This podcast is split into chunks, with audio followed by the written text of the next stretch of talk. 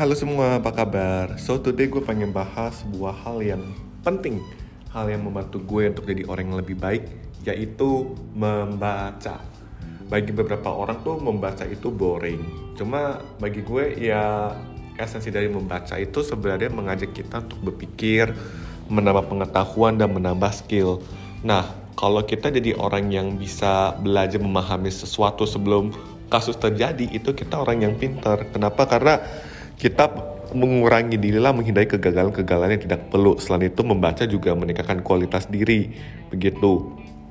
Nah, um, bagi gue gue tahu sih banyak orang nggak suka baca. Mungkin gue pengen kasih tips bagaimana sih agar lo bisa mulai suka baca begitu. Yang pertama itu lo tuh harus tahu kira-kira topik apa sih yang lo anggap menarik. Kalau gue gue sekarang lagi suka topik soal self development, soal startup begitu nah gue coba kenalin gue suka seperti apa. Kalau mungkin lo gamer atau mungkin lo suka baca komik ya mungkin lo bisa mulai dari sana. Begitu siapa tahu ya dari sana pelan-pelan suka baca.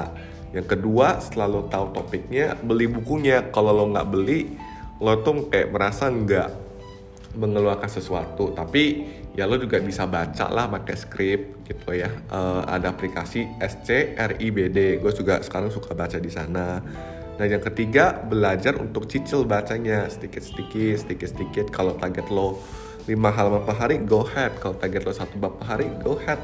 Jadi dicicil bacanya. Kalau gue sekarang membiasakan diri baca 20 halaman per hari.